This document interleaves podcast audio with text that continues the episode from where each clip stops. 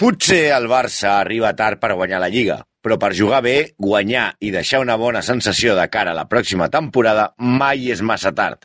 Per això és més important que mai fixar-se en un mateix i les coses s'aniran posant a lloc.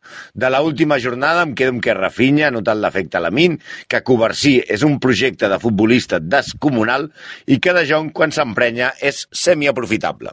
Després arriben els resultats dels altres. L'Atlètic Club perd i ja està a 8 punts la setmana que s'ha d'anar a jugar a Sant Mamés.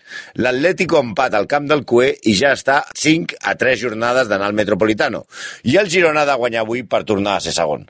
Altra cosa és el Madrid, que amb més pena que glòria segueix traient els partits endavant. Menys el del Girona, els últims els ha empatat o els ha tret per la mínima.